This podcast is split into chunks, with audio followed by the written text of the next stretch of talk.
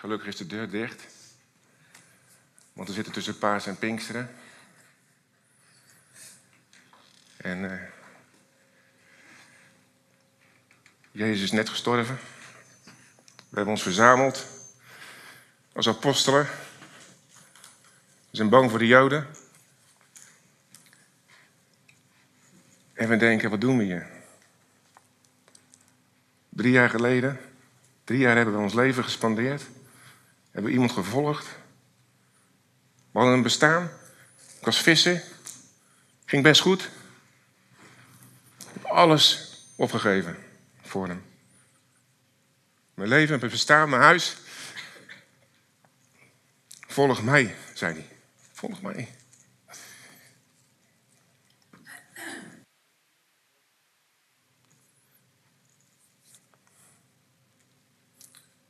Zaten we er dan naast?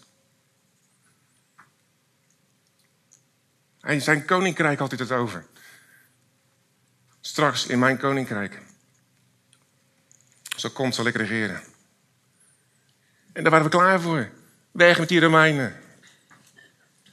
En we genoten ervan als hij die uh, religieuze leiders op hun donder gaf. Als hij ze uitlegde hoe het zat. En dat ze beschaamd weg moesten lopen. Dat was, dat was hem. En daarom volgden we hem.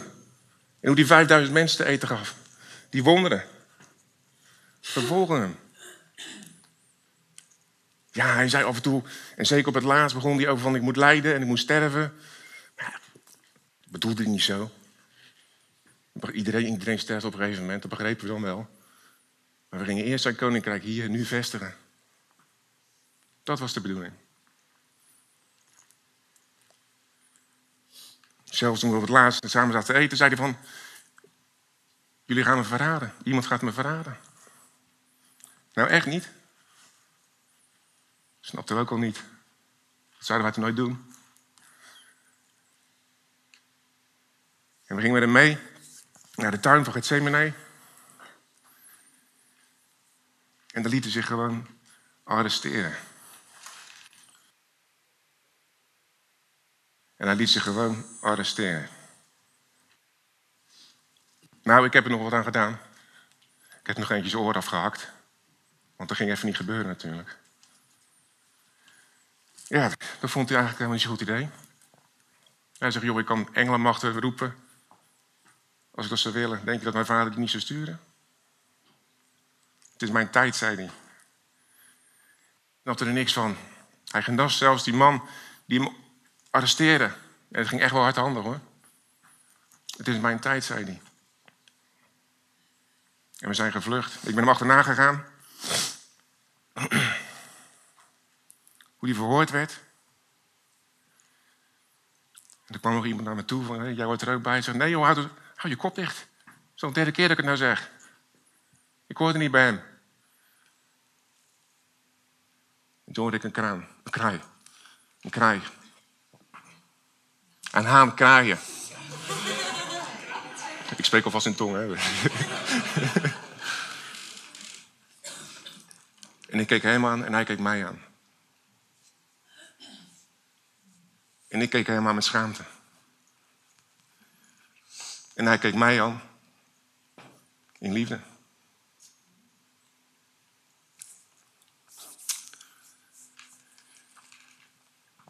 Hoe luisterden die apostelen naar Jezus? Hoe luisterden ze?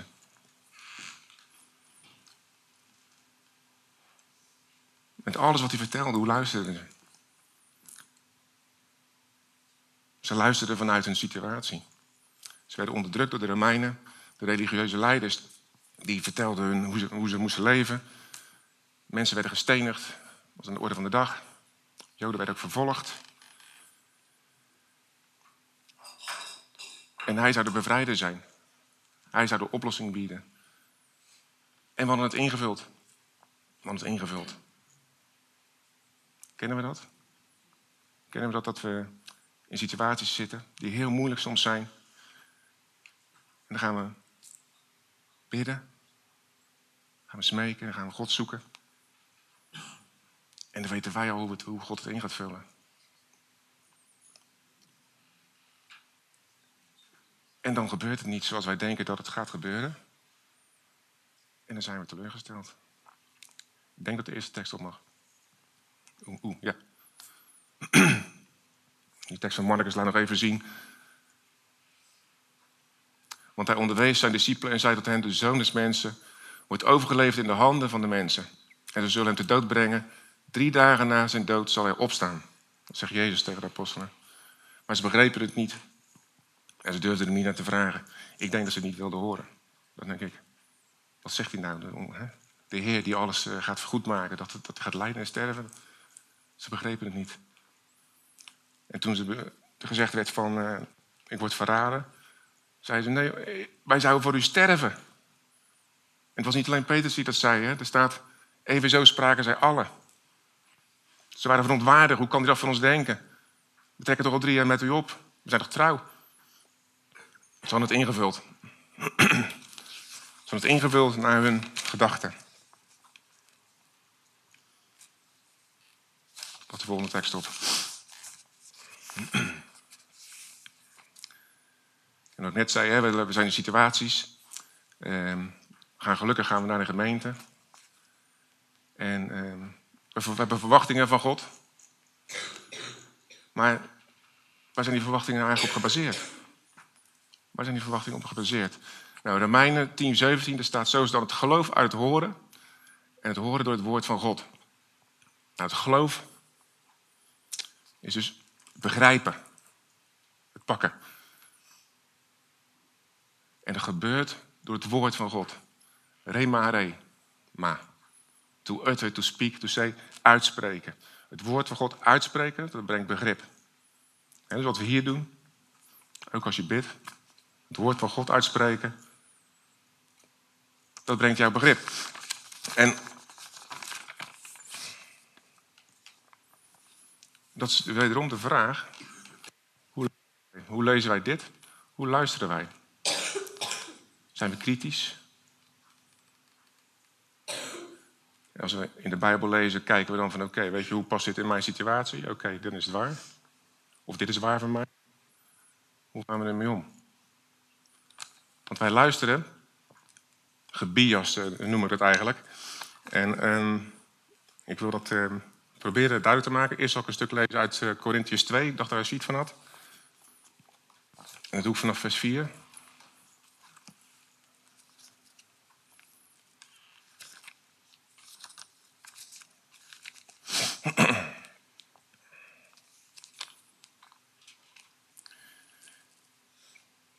En mijn spreken en mijn prediking bestonden niet in overtuigende woorden van menselijke wijsheid, maar in het betonen van geest en kracht. Opdat uw geloof niet zou bestaan in wijsheid van mensen, maar in kracht van God. Wij spreken wijsheid onder de geestelijk volwassenen, maar een wijsheid niet van deze wereld. Ook niet van de leiders van deze wereld, die teniet gedaan wordt. Wij spreken echter de wijsheid van God, als een geheimenis een wijsheid die verborgen was en die God voor alle eeuwen voorbestemd heeft tot onze heerlijkheid. Een wijsheid die niemand van de leiders van deze wereld gekend heeft. Immers, als ze die gekend hadden, zouden ze de Heer, de heerlijkheden, niet gekruisigd hebben. Maar het is zoals het geschreven staat: wat geen oog heeft gezien en geen oor heeft gehoord en in geen mensenhart is opgekomen, dat is wat God bereikt heeft voor hen die hem liefhebben. Aan ons? Aan ons echt heeft God het geopenbaard door zijn geest. De geest immers onderzoekt alle dingen, zelfs de diepte van God. Want wie van de mensen kent de dingen van de mens dan de geest van de mens die in hem is? Zo kent ook niemand de dingen van God dan de geest van God. En wij hebben niet ontvangen de geest van de wereld, maar de geest die uit God is. Is dat gaaf of niet? Opdat wij zouden weten de dingen die ons door God genade geschonken zijn.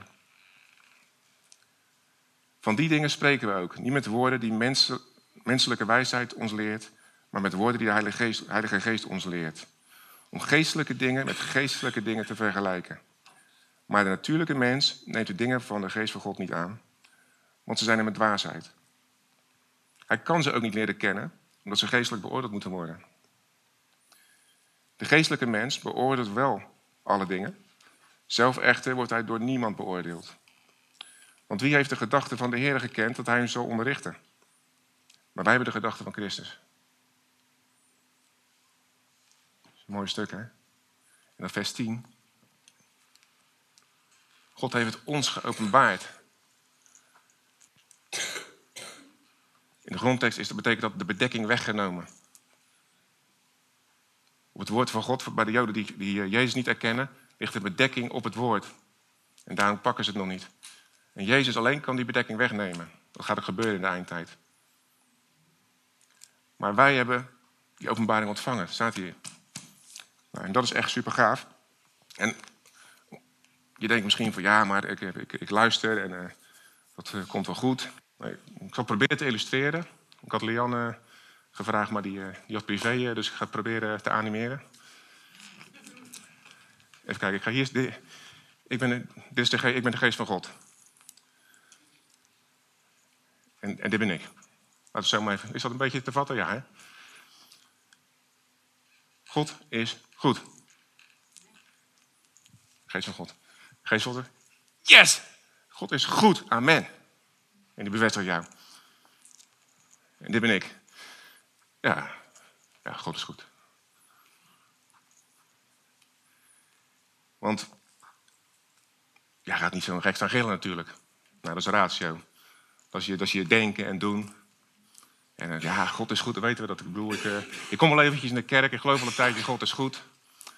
Maar, weet je, weet je, beetje normaal, normaal blijven doen, hè. God is goed. Dus, er wordt iets anders in de gemeente gezegd. Jezus is opgestaan. Ja, maar je spreekt niet goed mee. Maar Geest van God zegt, yes! Dat is het. Daardoor ben ik gekomen en ik ben in jou komen wonen. En ik laat het jou weten hoe het zit. En jouw reactie is, ja, dat hoorden we vorig jaar ook. Chargeer een beetje? Maar... En uh, ja, ik voel wel wat, maar ja, ik voel eigenlijk niks. Of ja, ik ben gewoon niet, niet in de stemming om zo... Uh... Weet je wel? Nou, dat is emotie. Ratio, emotie. En wat we daar eigenlijk mee doen, is die geest die hier staat zo. Die staat eigenlijk steeds een stukje verder weg. God is goed.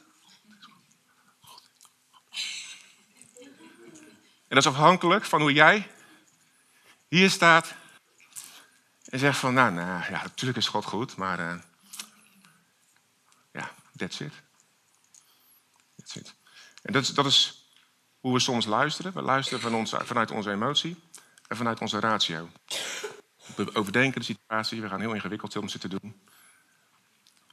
Of we overdenken de situatie niet en we laten ons volledig leiden door hoe we in ons vel zitten. Je bent wel mens.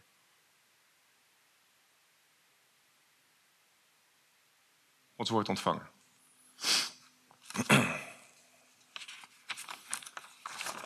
Maar hoe doe je dat dan wel? Hoe doe je dat dan wel?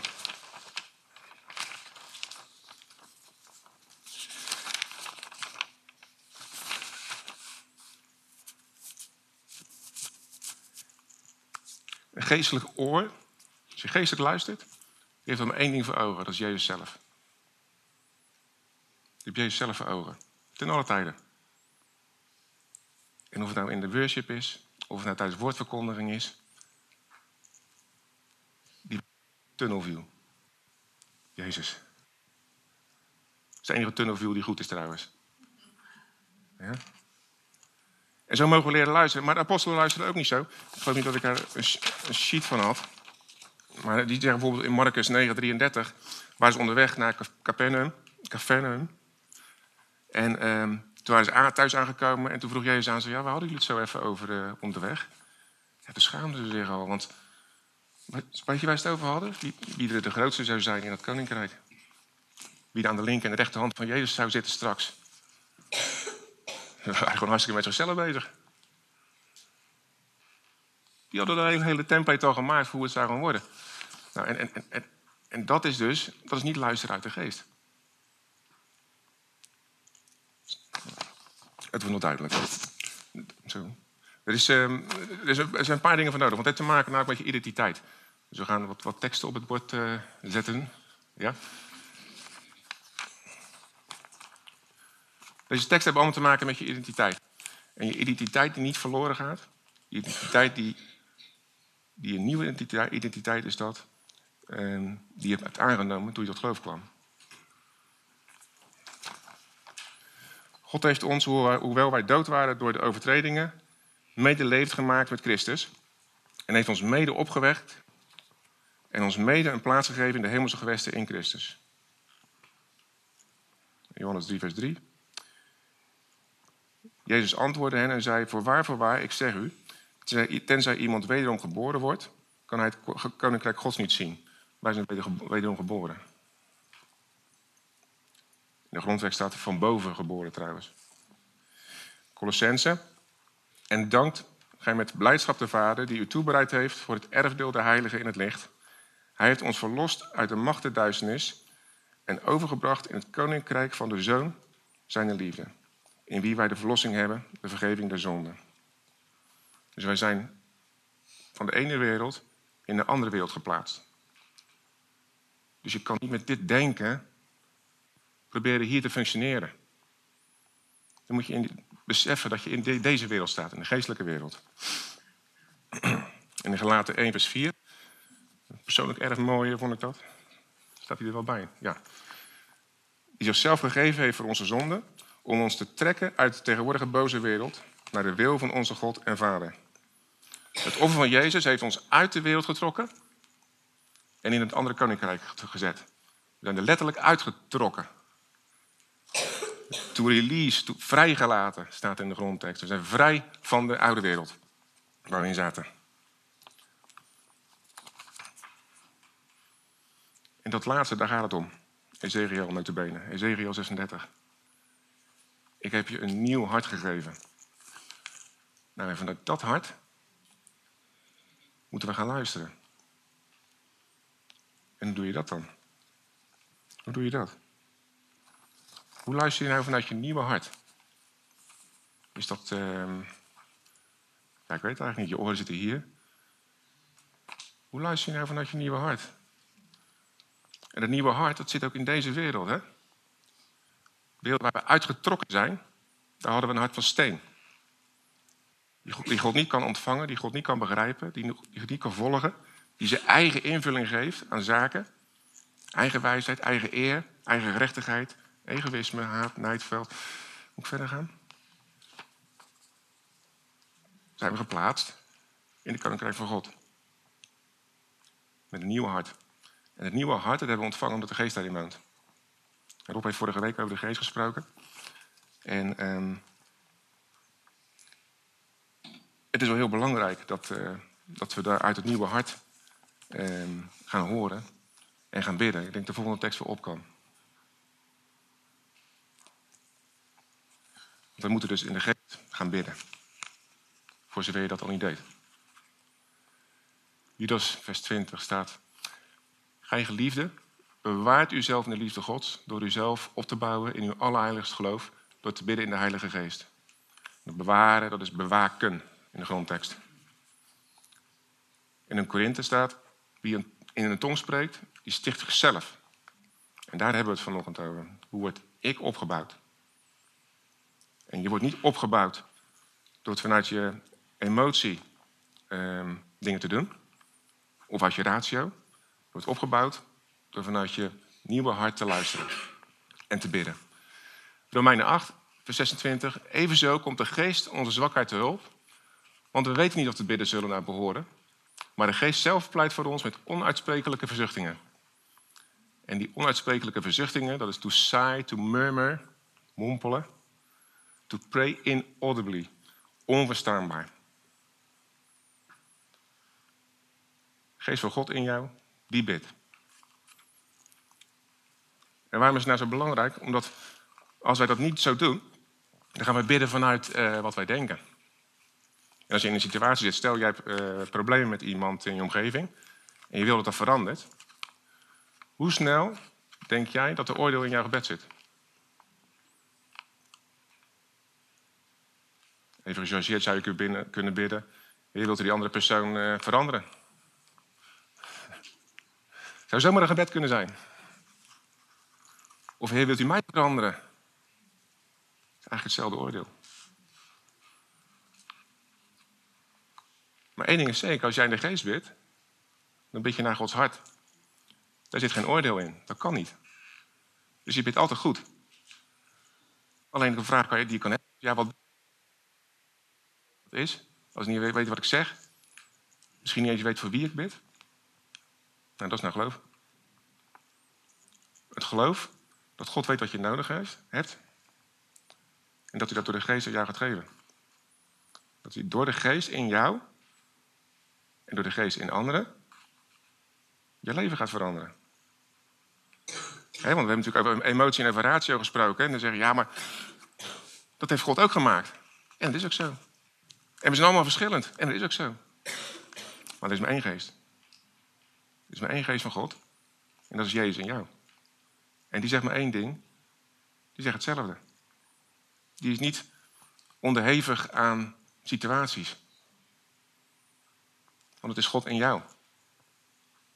En het mooie is, als we ons daardoor laten leiden, en, en, dat, dat, kan je oefenen, kan je, daar kan je gewoon mee beginnen. Dan mag je het geloven hebben dat er in je hart wat gaat veranderen. Of beter, in je hart is al veranderd, maar dat het echt in je leven gaat veranderen. Vorige week werd de tekst erop gehaald- aangehaald nog zelfs dat die geest je lichaam fysiek zal genezen. Dat staat in de Bijbel. Dat gaat echt niet gebeuren als je die ruimte niet geeft. Je moet de geest de ruimte geven in je leven. In je situatie moet je de geest brengen. Je moet God in je situatie brengen. En dat, dat werkt het best door uit de geest te gaan werken. En daar was ik erg blij met, de- met de preek van, van, van Rob vorige week. Want wist ik gelijk wat ik zelf moest spreken deze week. En ehm, als je dat gaat doen, ga ik openbaring krijgen over je situatie. En dan kan het zomaar zijn dat je opeens een heleboel dingen gaat snappen. En dan kan het zijn dat je bevestigd wordt. Want sowieso, als de geest in jou, als je die ruimte gaat geven, dan ga je veranderen. Je kan niet, veran- niet, niet veranderen. Maar het kan ook zijn dat je openbaring krijgt over je situatie, dat je denkt, wow, ik zit echt helemaal op het verkeerde spoor. En dat is een spannend momentje. Wat ga je dan doen? Nou, Jezus is heel simpel in. Die zegt van, eh, ga heen en zondag niet meer. Ga niet meer doen. Stoppen. God openbaart je het niet voor niks. En we gaan niet... De Heilige Geest overtuigt de wereld voor zonde. Maar hij leidt jou. Dus hij laat jou dingen zien. En dat is belangrijk. Dat is belangrijk, dat je vanuit die gedachtegoed eh, gaat bidden. Samen, eh, dat je gewoon je tong de free float geeft. En God gaat eh worshipen. En geloven dat hij daar doorheen kan werken. Geloven we dat? Ik hoop dat er een paar ja zeggen, want dat is toch wel fijn.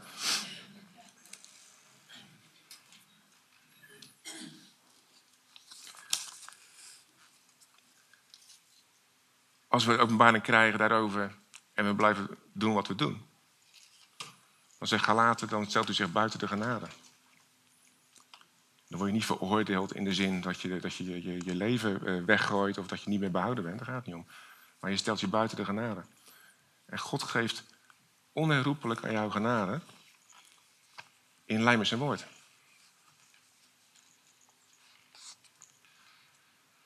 Even kijken, hij gaf toch zo zonder meer genade? God kan niet bewegen als jij daar niet bent.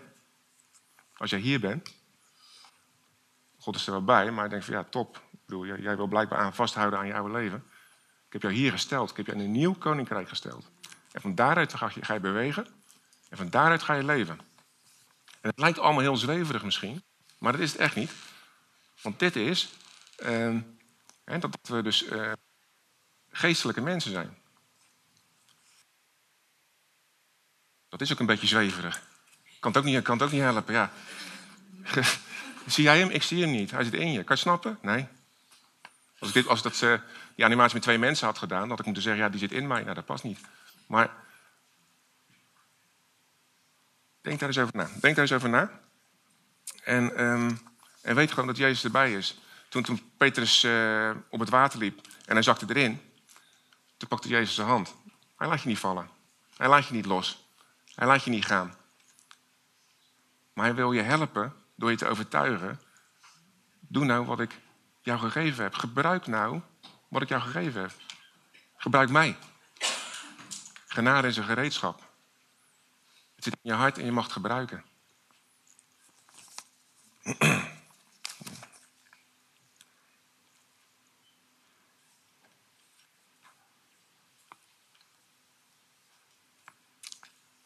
Volgende sheet.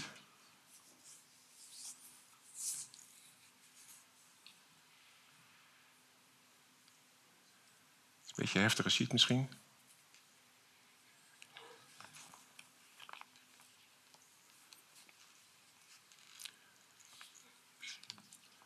Voordat de wet er was, was er al zonde. En toen regeerde de dood al. Toen de wet erbij kwam, toen werd er nog eens een keer op gewezen dat je zonde had. Dus toen werd het eigenlijk erger. En uiteindelijk is het uitwerk van zonde is dood. En bij dood denken wij misschien aan overlijden van mensen, maar dat is niet noodzakelijk. Het komt in vele vormen. Eigenlijk alles wat niet in lijn is met Gods woord, is eigenlijk een, een verlengde van, van dood. Ja? Ruzie, egoïsme, afgunst, uh, haat en nijd. En de vruchten zijn soms slechte relaties. Ik kan mijn baan niet houden. Uh, ik heb altijd ruzie met iedereen. Het ligt aan iedereen, het ligt niet aan mij, maar ik heb altijd ruzie met iedereen. Wat zijn vruchten daarvan? En de vrucht van de geest, dat zijn hele andere vruchten. Dat, zijn, dat is dat mannetje of vrouwtje wat hier staat te. Yes! Dat is een vrucht van de geest. Als in jouw hart ja en amen geroepen wordt en je onderdrukt dat, mag. Maar laat het lekker eruit, zou ik zeggen, want geef hem lekker de ruimte. Liefde, blijdschap, vrede, langmoedigheid, goede tierenheid, goedheid, geloof, zachtmoedigheid en matigheid. De geest brengt leven. En God die wil dat jij een relatie met jou. En die wil jou duidelijk maken dat zijn relatie met jou nu hier op aarde jouw geluk gaat brengen. Dat hij nu hier op aarde jouw voorspoed, voorspoed kan brengen. En dat kan ook in vele vormen zijn. Kan in geld zijn, maar het kan ook op andere, goede relaties, een leuke baan, een leuke partner die je misschien nog moet krijgen. Dat geloof komt daaruit voort, uit de geest. Die wil het beste met jou. En um,